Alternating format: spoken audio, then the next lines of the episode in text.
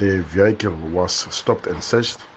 Uh, that is when the hunting rifle and ammunition, as well as some backpacks with food, were found.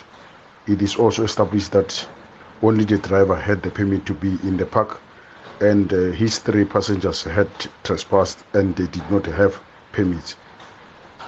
All four of them were arrested and charged for possession of prohibited firearm with ammunition.